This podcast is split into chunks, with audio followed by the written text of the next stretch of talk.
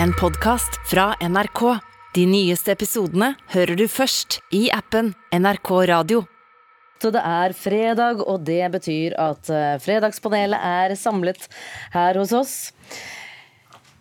Gaute Grøtta Grav, programleder, forfatter og innholdsprodusent. eh, God morgen. God dag, god dag. Hyggelig å være her. Audun Molde, førstelektor i musikk ved Høgskolen i Kristiania. God morgen. God morgen. Mala Wagnavin, kommunikasjonssjef i Sintef Digital. Velkommen hit. Takk for det. Vi eh, fyrer i gang og går rett på spørsmål én. Sjøsettingen av skjønnhetsklinikken Nomi fikk seg et eh, skudd for baugen denne uken da tre kvinnelige kjendiser eh, trakk seg som gallionsfigurer og medeiere. De trakk seg etter at de fikk enorm kritikk over bruken av ordet kvinnehelse. Spørsmålet vårt det er var den kollektive irritasjonen og sinnet som veltet opp i sosiale medier i størrelsesorden med det overtrampet som disse tre sto for?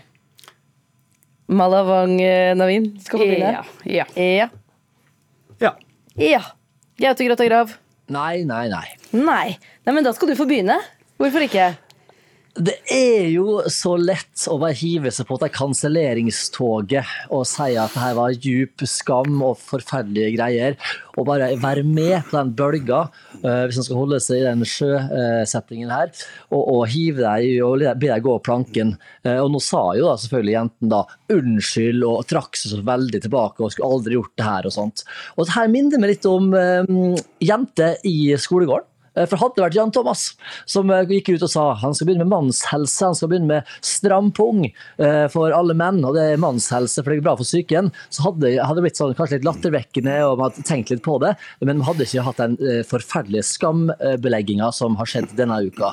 Nå sier jeg ikke at det er bra å kalle det kvinnehelse, men kvinne er kvinne verst. Altså, skal ta de tre damene der, bare fordi at nå kan de ta deg. Og dette er ikke måten du får fram nye kvinnelige gründere på. Malavang Navin, er eh, kvinner kvinner verst? Altså, nå er det jo menn som ble kvinner verst i denne saken her. Det er jo at det er, ble jo brandet som kvinnelig entreprenørskap, men så står alle som sitter i styret og på eiersiden menn. Og jeg tenker at reaksjonene fortoner seg som et annet ganske sånn tilbakeslag, ja, hvor folk har blitt eh, kvinner og menn har, eh, eh, er litt lei av det massive gnålet om kvinners utseende. Og dette er altså en kommunikasjonsfadese av en annen verden, hvor både Botox og bekkenbunnstrening er sauset sammen og brandet som kvinnehelse, noe det absolutt ikke er. Eh, og så tenker Jeg også at jeg, jeg kjenner faktisk ingen kvinner som vil omtale seg selv som enten Rent a Wreck eller Jaguar E, som disse kvinnene kaller kalte seg selv. Og det, det, det tenker jeg at det, i den krisehåndteringen som har vært i ettertid, så har, har trioen vært veldig smart, og de har sendt en mannlig eller tror de har vært veldig smart og sendt en mannlig lege for å forsvare seg selv ute i offentligheten. I går i Debatten og Dagsnytt 18 og sånn. Mens de selv styrer all kommunikasjon i en podkast. Og det, da merker jeg at jeg blir litt sånn kritisk til hva media i Norge holder på med. Kom igjen nå, still noen kritiske spørsmål til disse damene, da. Jeg er helt enig med det du sier, Mala. Og så er det jo litt fascinerende at eh, alle medier, inkludert dere i NRK, er så opptatt av å titulere disse kvinnene for kjendiser. Um, altså for eksempel Pia Tjelta da, hun har jo et fag. Hun kan noe, hun er kjent av en grunn. Yrkesbetegnelsen til Pia Tjelta er skuespiller. Uh, hun er ikke en ung gründer som skal starte noe. Hun er faktisk en skuespiller, og til og med en veldig anerkjent og dyktig skuespiller. Og litt kjendis. Ja, men det kan du si, men det er vi jo alle etter hvert. Hele Norge er jo det, mer eller mindre. Det er sånn svensk tullord. Men altså, Pia Tjelta, eh, må si til hennes forsvar at eh, hun la jo ut en veldig ordentlig unnskyldning i år. Eh, For hun fikk veldig mye tyn, kanskje nettopp fordi at mange har et forhold til henne som skuespiller og som et forbilde. Eh, Og det at hun tryna så fullstendig, innrømte det, eh, og tok seg inn igjen, det syns jeg det står ganske stor respekt av. Ja, altså jeg tenker også Det er noe å tenke på at moralen her er jo at i en tid hvor alle virksomheter kappes om å eh, brande seg på eh, pride og liksom, bærekraftsmålene, altså de jobber mot å være sånn ærlige på kommunikasjonen, så var dette veldig skivebom da. Men når det er sagt, jeg er tilhenger av at folk må gjerne putte i seg så mye Botox hvis det, det gjør dem lykkelige, men ikke kom her og kall det kvinnehelse. Vi får hoppe videre til eh, neste tema. Halvparten av eh, norske barn mellom 9 og 11 år er på sosiale medier, men bruken har gått ned de to siste årene. Det viser en ny undersøkelse som Medietilsynet har gjort. mye gøyere å være ute med venner. Samme her, men det er også veldig gøy å være på telefonen. Ja, Spørsmålet nå det er eh, todelt. Eh, dere må svare på begge deler, da. Ja eller nei. Spørsmål én tror dere på det? Og spørsmål to er det i så fall et godt tegn? Malavang Navin? Uh, jeg tror ikke på det. Nei og nei. Nei og nei. Audun Molde? Ja og ja. Gaute Grøtta Grav? Jeg tror ikke på det, og, men det er sikkert et godt tegn at det er fokus på det. ok, Malavong Navin? Altså, jeg syns dette er veldig sånn underlige resultater. fordi eh, altså, Innerst inne, som tobarnsmor, så håper jeg jo at dette betyr at barna henger i eh, noen lekeapparater eller noen trær.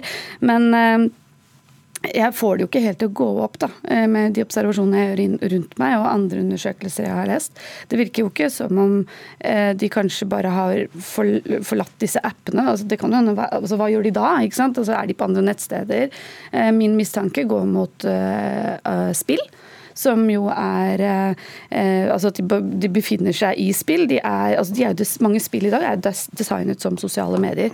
Så, og der kommuniserer de, og de spiller sammen. Og da får de jo underholdning, lek og sosialisering i en og samme pakke. da.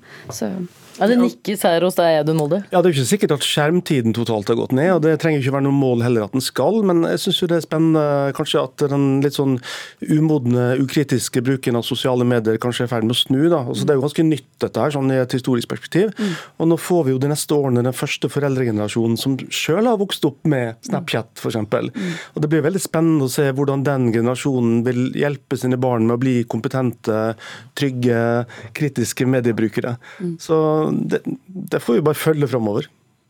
Gaute Grøtta Grav, nei og nei, svarte du.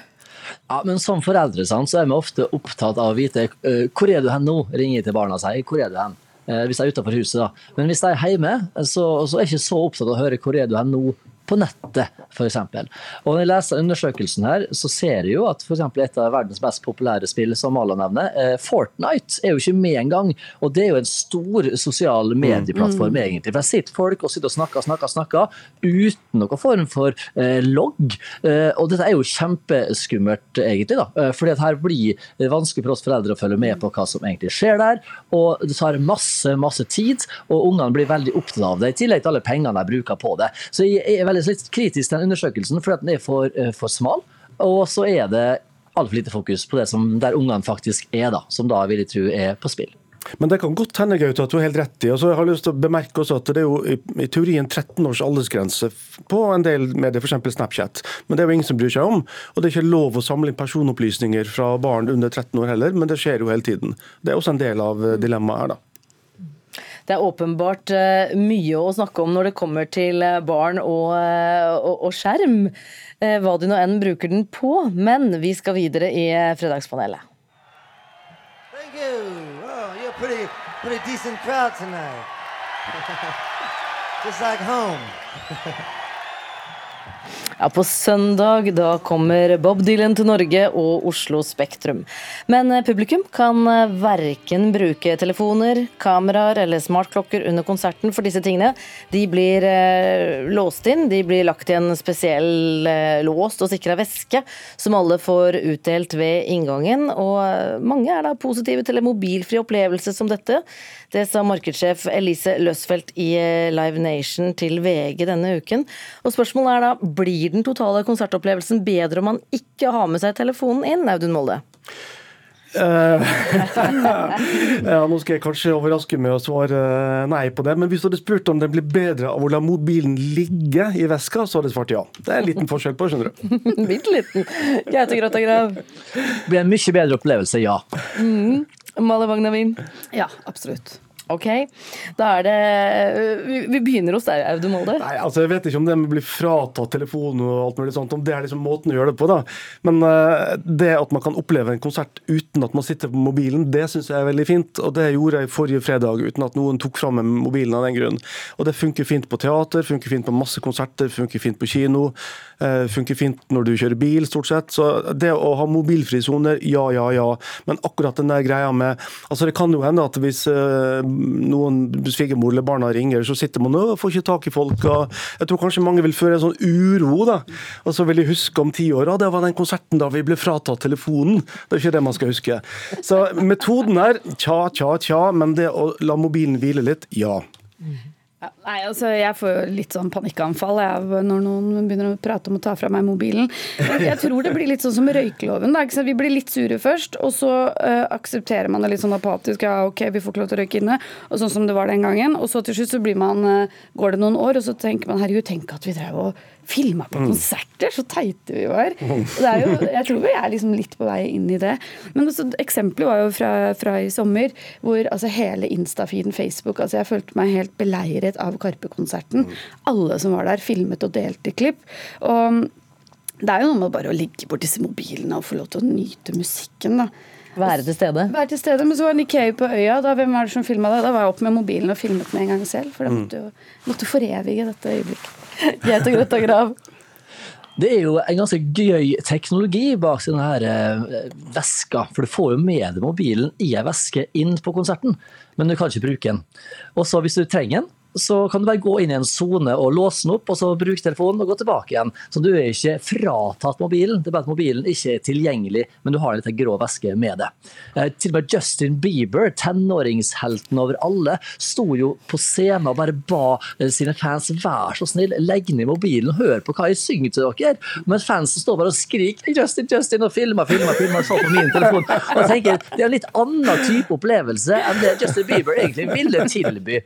En ting som kan være positivt da, med å ha med telefonen inn på konsert, er jo hvis folk smelter dette lyset, og hele konsertsalen blir et sånt hav av lys. Det er på en måte det eneste positive vi kan tenke med å ha med seg mobiltelefonen inn på en konsert, for lyden blir ikke bra på opptaket, og heller ikke gjengivelsen av konserten. Så det å ha telefonen borte og fokusere på det som faktisk skjer, det er jo utelukkende positivt. Ja, men, men, men altså, tenk på hvor kjipt det er. da. Du har betalt strømregninga, så har du 100 000 kroner til overs, og så går du på sånn skjønnhetsklinikk og tar ansiktsløftning, og så har du blitt veldig skjønn og veldig stolt av det, og så skal du ikke få lov til å bruke mobilen og ta et bilde av deg sjøl og se på konsert! Nei, nå tror jeg du blander saker her. Oh, ja. Vi får la det bli siste ord og en slags oppsummering av Fredagspanelet. Takk skal dere ha, alle sammen. Mala Vangen og vi, Audun Molde og Gaute Grøtta Grav, og god fredag.